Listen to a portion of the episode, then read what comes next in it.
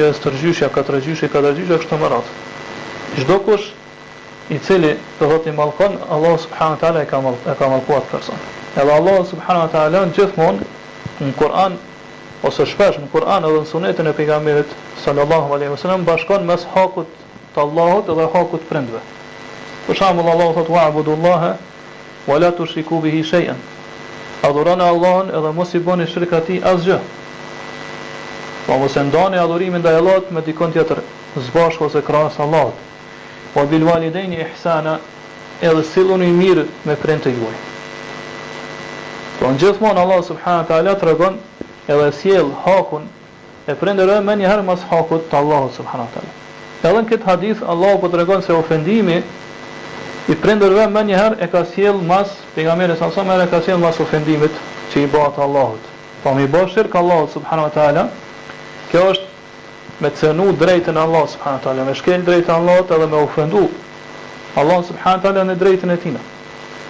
Kurse mi ofendu prindt, pra mi mallku prindt, kemi thënë në dersin e kaluar që laneti kur vjen kur i atribuohet njerëzve, nuk është sikur laneti kur i atribuohet Allahut. Po laneti kur i atribuohet Allahut, qëllimi është që Allah e ka larguar atë person prej mëshirës së tij. E ka përzon. Ai është i mallkum, do thotë e ka përzon Allahu prej mëshirës tij. Kurse kur vjen te, kur themi që një person e ka ba lanet tjetrin atëherë qëllimi është që e ka ofendu edhe e ka sha atë. Pra ai që i shan edhe i ofendon prindët e tina, ai është hyn nën këtë mallkimin e Allahut subhanahu wa taala. Edhe pejgamberi sa sa edhe në hadithin e shtatë mëkateve shkatërruese, Menjëherë mas shirkut e sjell do thotë edhe ofendimin që mundet dikush me ia bo prindërve apo që nuk sjellet mirë me prindt e kështu me radhë. Pra ai i cili i e nënvlerëson drejtën e prindërve edhe i ofendon ata, do sillet keq me ta,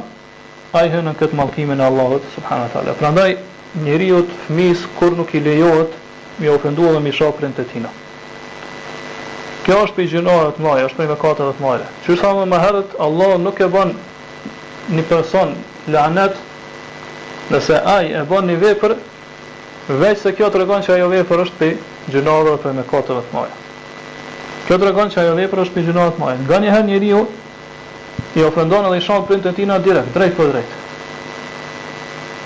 Edhe pse kjo është e rrallë. Mirëpo nganjëherë është vetëm bëhet shkaktar që mu sha dhe mu ofendu prindërit e tij. Pra qysh bëhet shkaktar edhe kjo hyn nën këtë mallkim të Allahut subhanahu wa taala. Kur ti bëhesh shkaktar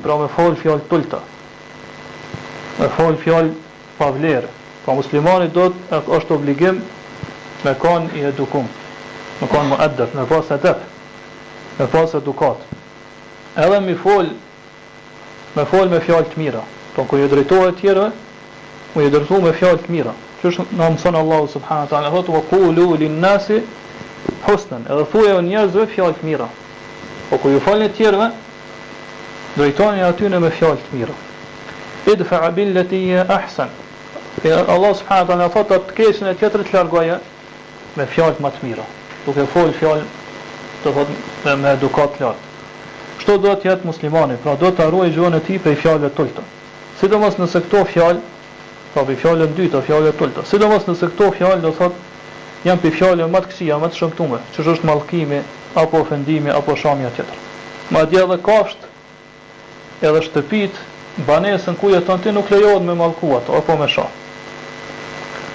Një grua në kohën e pejgamberit sallallahu alejhi ve selem e ka mallku kafshën e saj në, po ose ka qenë dele ose deve apo diç deve apo kale apo diçka e ngjashme. E ka mallku, atëherë pejgamberi sallallahu alejhi ve selem ka urdhnu që Pra ka qenë në udhëtim së bashku me pejgamberin sa. Pejgamberi sallallahu sallallahu alaihi wasallam ka urdhëruar që me marr atë ngarkesën që e ka pas ajo kafshë me largu samarin krejt çka ka pas edhe me lënë atë kafshën me ecë e lirë. Edhe askush mos me prek atë kafshë. Pra kështu pejgamberi sallallahu alaihi wasallam ka dashur me disiplinu këtë grua. Pra me eduku që mos me vepru kështu. Pra nuk lejohet njeriut me sha apo me mallku, mi mallku njerëz të tjerë. Nuk i lejohet as mi mallku apo mi sha kafshët, as banesën, as kerrin, pra e dikujt tjetër apo kerrin tënd, veturën tënde, nuk lejohet me mallku apo me sha ato dhe gjëra të ngjashme. Përgjithësi, do thotë muslimanit i ndalohet mi mallku të tjerët. Pastaj vazhdon hadithi, pra prej kësaj dijetarët e kanë e kanë sjellë edhe ni ni rregull, ni kaide që quhet ni rregull, E ajo është se njeriu nëse osht shkaku do thot na tha më herët se njeriu mundet mos me sha drejt për drejt prindt e tina mirë mir, po mundet me u ba shkak. Po bahet shkaktar me u sha. E prej kësaj përfitohet një rregull që shkaku sa i përket mëkatit e merr pozitën e veprimit drejt për drejt të atij mëkati. Po nëse dikush bëhet shkaktar për më për më më ndodh në mëkat,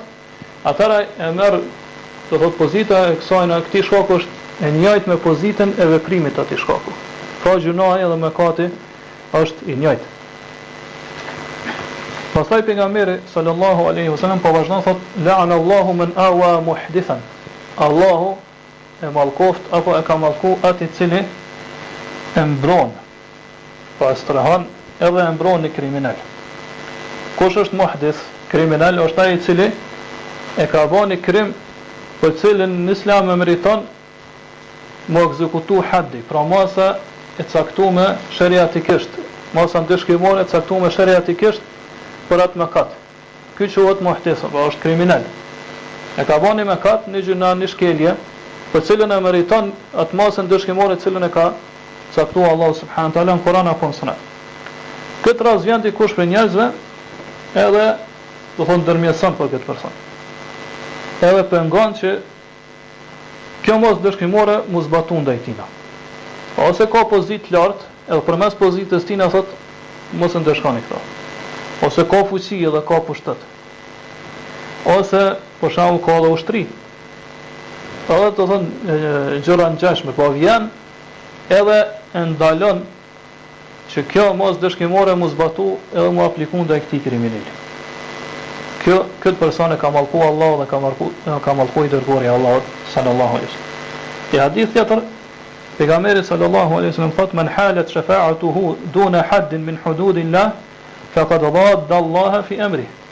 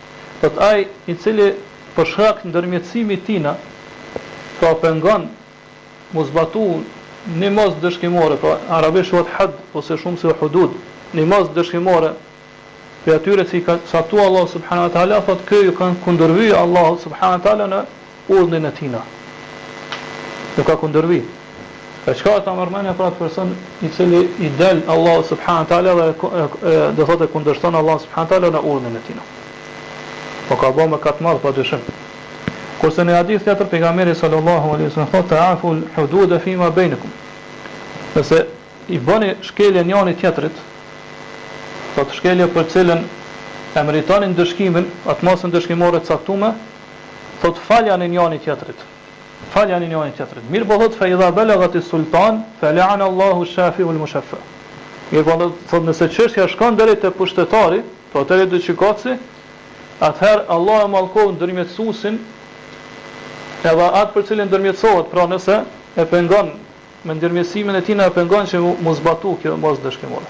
Allah e ka mallku edhe ndërmjetësuesin edhe atë për cilin ndërmjetësohet. E ka mallku Allahu subhanahu wa taala.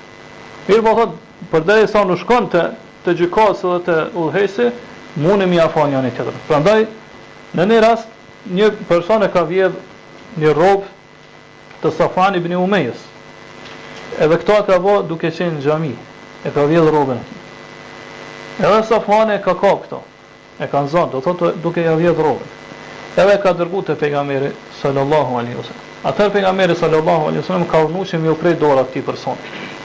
Kur e ka pa këtë Safwani ju ka dhimbtë.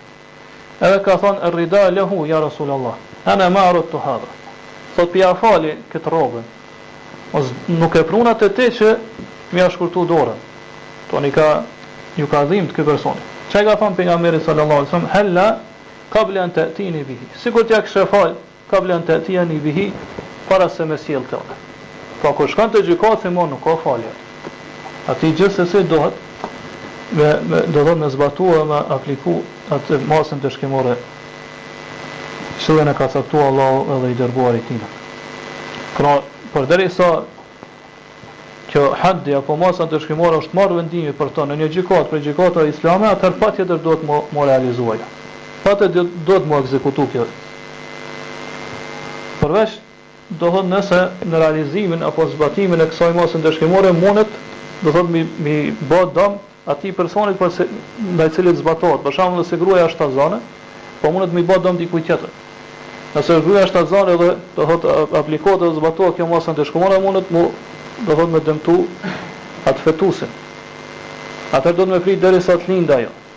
Pasi që të lindë, duhet me ia dhënë dikujt nëse nuk ka mundësi, nëse ka mundësi vetë Nëse nuk ka mund, do thotë s'pari duhet me me provu me ja me gjet dikon që i jep gji atij. Nëse nuk e gjen askënd, atëherë duhet me prit deri sa ai fëmija han me dorën e tij e pastaj me u zbatu masa ndëshkimore. Don këto janë rregulla të cilat i ka vendosur Allahu subhanahu wa taala. Nëse përmbledhim qëllimi është me tregu se ai i cili i strehon edhe i mbron kriminelët të cilët e meritojnë masën ndëshkimore,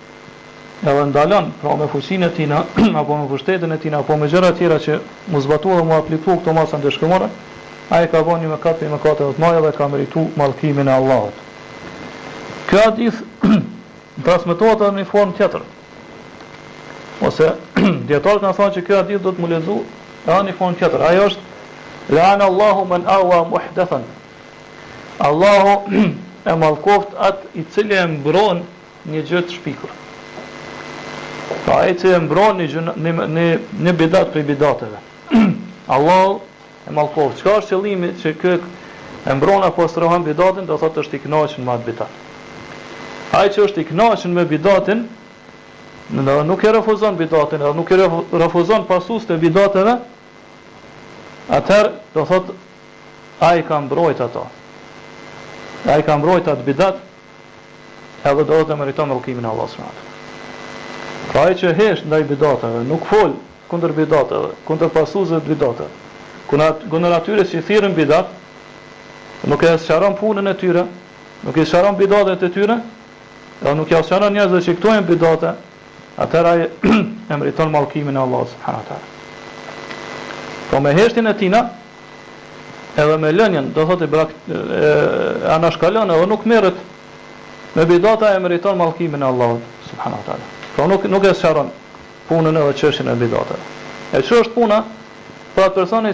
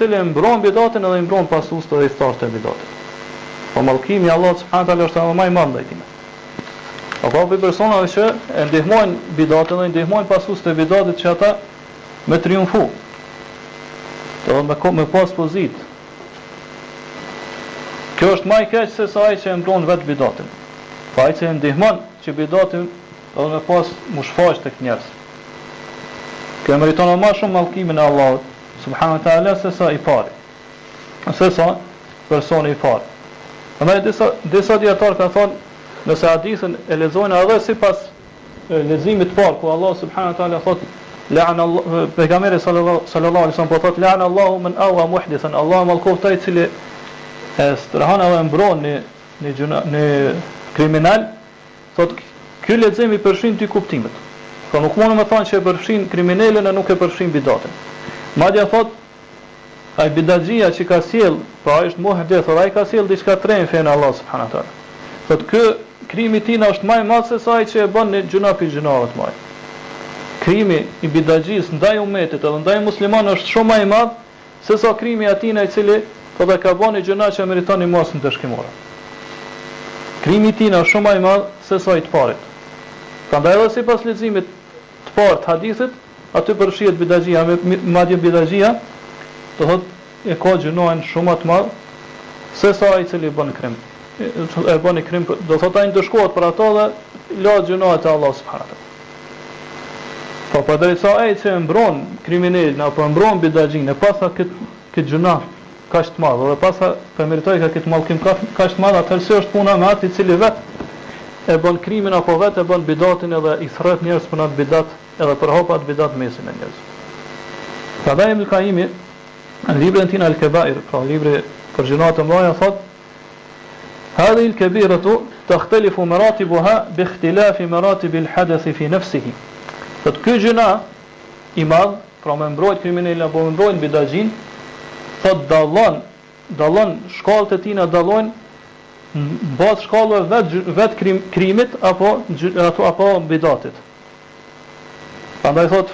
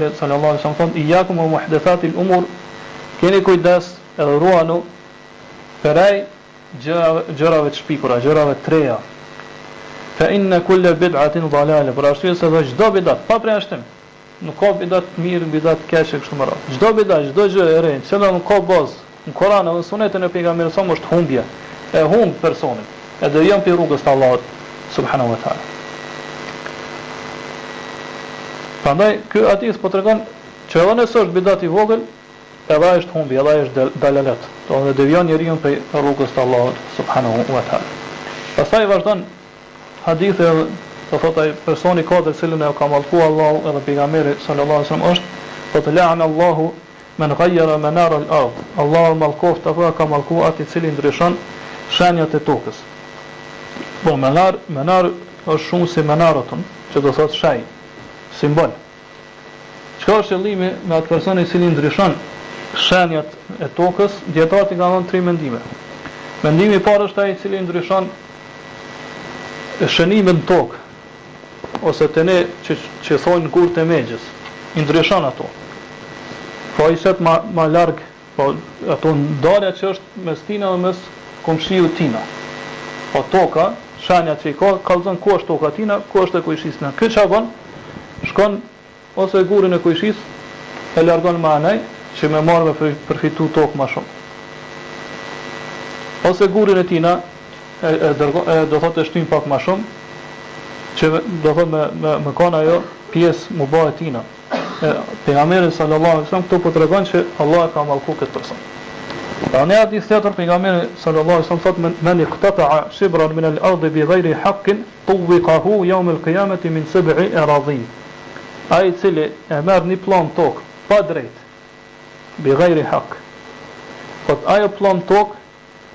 Ka me ju ba sikur, do thot ka me ju mshtjell rreth qafes tina prej shtatë palë tokëve.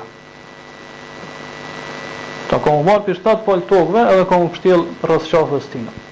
Mendimi i dytë i dijetarëve thonë që qëllimi me shenjat e tokës janë shenjat apo simbolet që tregojnë ka është,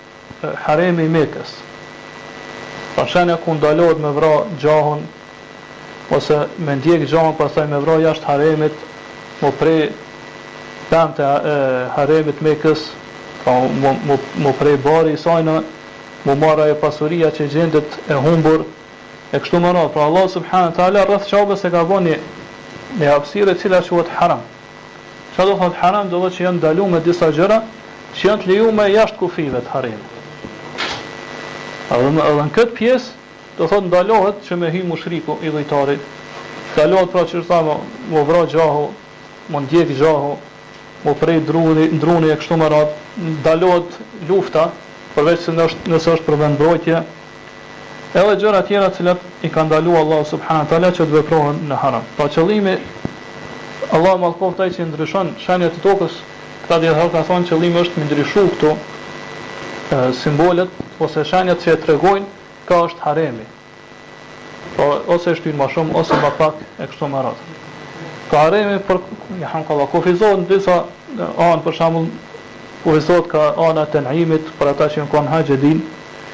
Është Hudejbija në anë do thotë Arafati nëmje dhe është tjetra El Gjirane kështu me radhë do thotë me këto pjesë kufizohet Haremi i Mekës. Ai që i ndryshon do thotë e ka mallku Allahu subhane wa taala. Mendimi i tretë është se shenjat e tokës janë shenjat që tregojnë rrugt ka duhet me ecë njerëzit. Po në kohën e sotit na i kemi këto tabelat që na tregojnë për shembull këtë drejtim është filan qyteti, djathtas është tjetri e kështu me radhë. Ai që i ndryshon këto Po përpara kanë qenë not kryq ka qenë e vendosun në në dru e aty kanë qenë tabelat këtë anë është tokë do thotë filan qyteti në këtë anë filan qyteti ai që i ndryshon thotë edhe bëhet shkak që njerëzit me humb rrugën e tyre edhe në kohën tonë do thotë i ndryshon apo Këtu hyn në këtë kuptim hyn edhe nëse i hjek ato.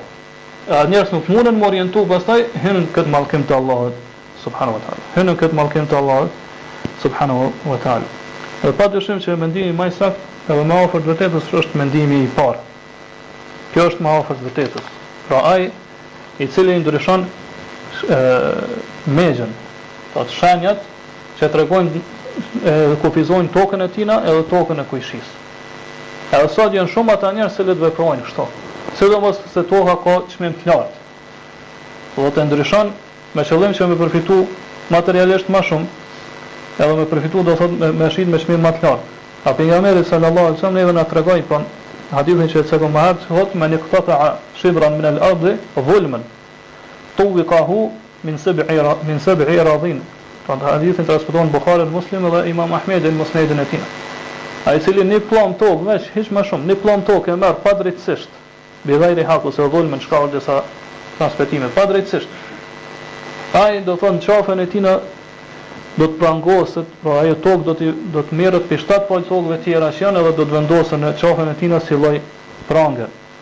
Po kjo është ndëshkimi që kanë përfitu, pra njerëzit duhet me mendu rreth këtyne haditheve të pejgamberit sa sa dhe me dit se çfarë gjynah i madh është ti do thot me me marr tokë padrejtësisht e ai i cili e merr do thot një pllamë tokë ose edhe ma shumë padrejtësisht edhe ndryshon do thot shenjat e tokës me qëllim që me përfitu ma shumë prej asaj toke ai kur ti merr kur ta merr këtë tokë padrejtësisht do do thot me me ndal edhe me mendu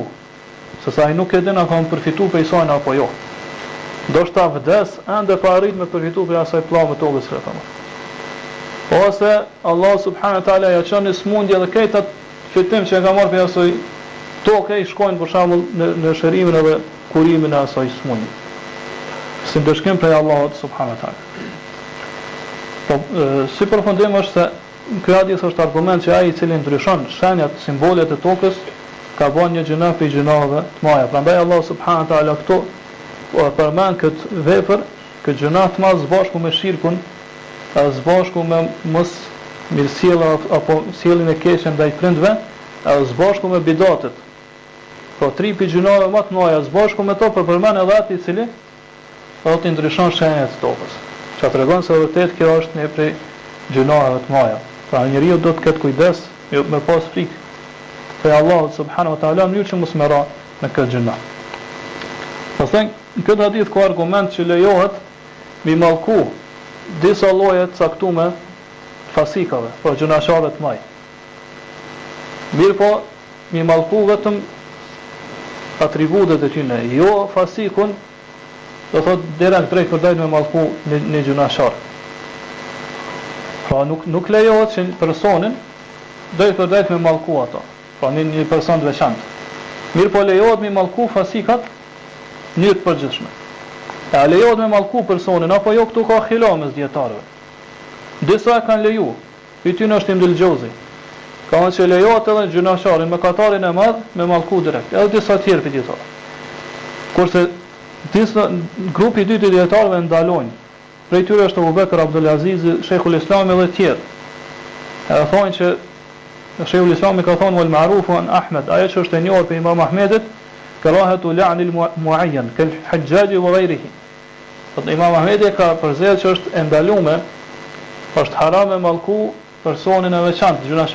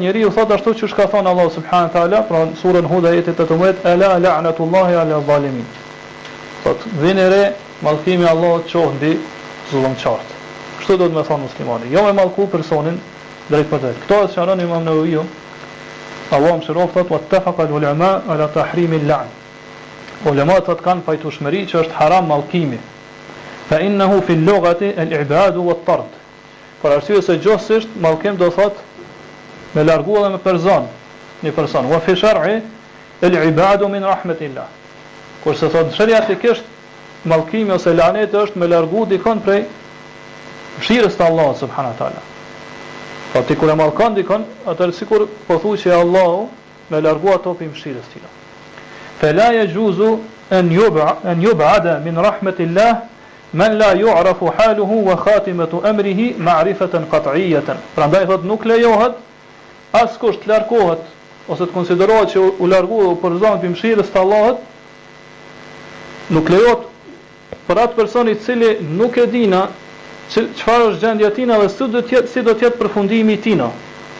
Edhe këto thotë duhet me ditë në mënyrë bindëse. Po përderisa nuk e dinë bindshëm çfarë përfundimi ka me pas ai, pra ka me vdekë si musliman apo ka me vdekë i penduar prej atij gjynai,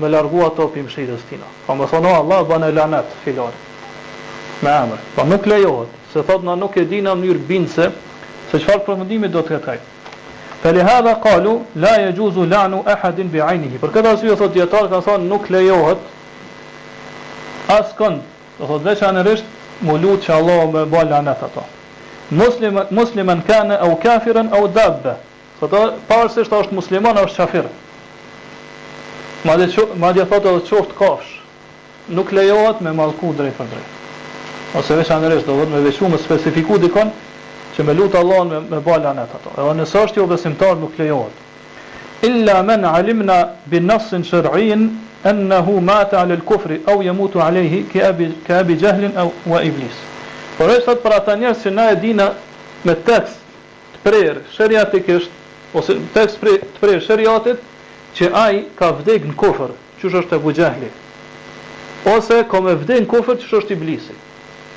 Për këta lejohet, do thotë me me mallku. Mirëpo për të tjerët, për të cilët nuk kemi tekst tekst të sheriatit që tregon se çfarë përfundimi ka ai, thotë këta nuk lejohet.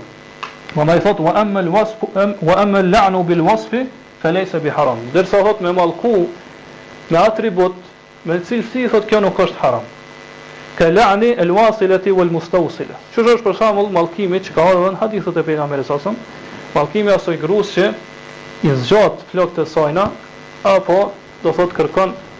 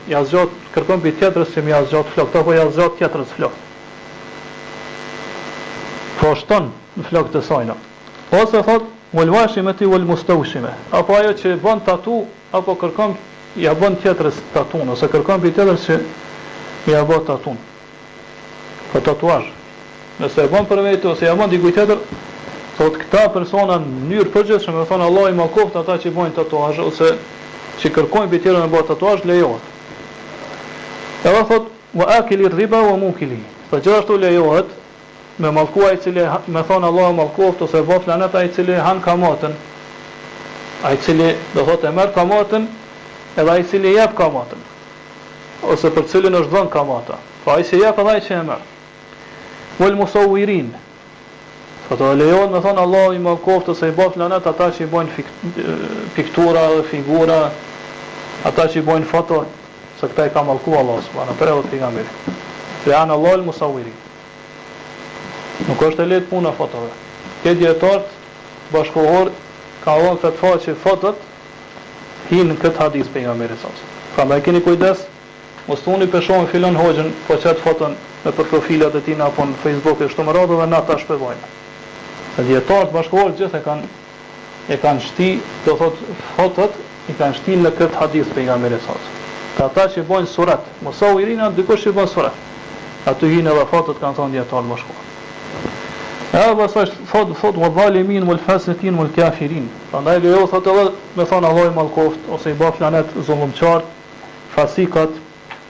kufarët jobesimtarët e kështu me radhë wa la'n men ghayra manar al ard do thotë lejohet me mallku ai i cili ndryshon shenjat e tokës wa men tawalla ghayra mawali ai i cili i atribuohet pra është rob i dikujt tjetër edhe e merr si zotëri dikon tjetër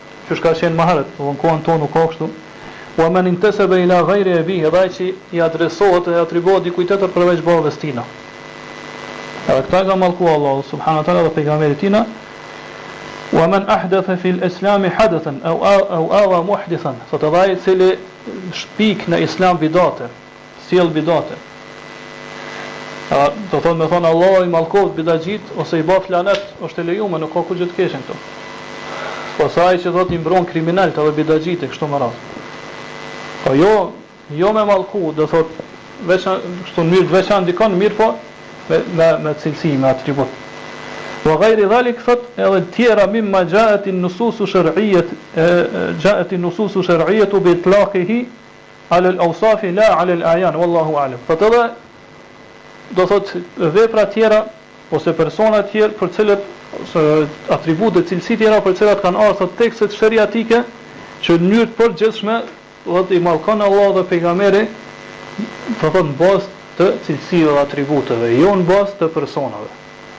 Po nuk lejohet personi me mallku, mirëpo lejohet me mallku qysh thamë deri tash është sqarum, me mallku dikon i cili është vërtet ata të cilët i përkasin atij atributi. Do thotë Allahu i mallkoftë fasikat, Allahu i mallkoftë jobesimtarët, Allahu i mallkoftë bidatxhijtë e kështu me radhë. Kjo është e lejuar. Pastaj autori pas kësajna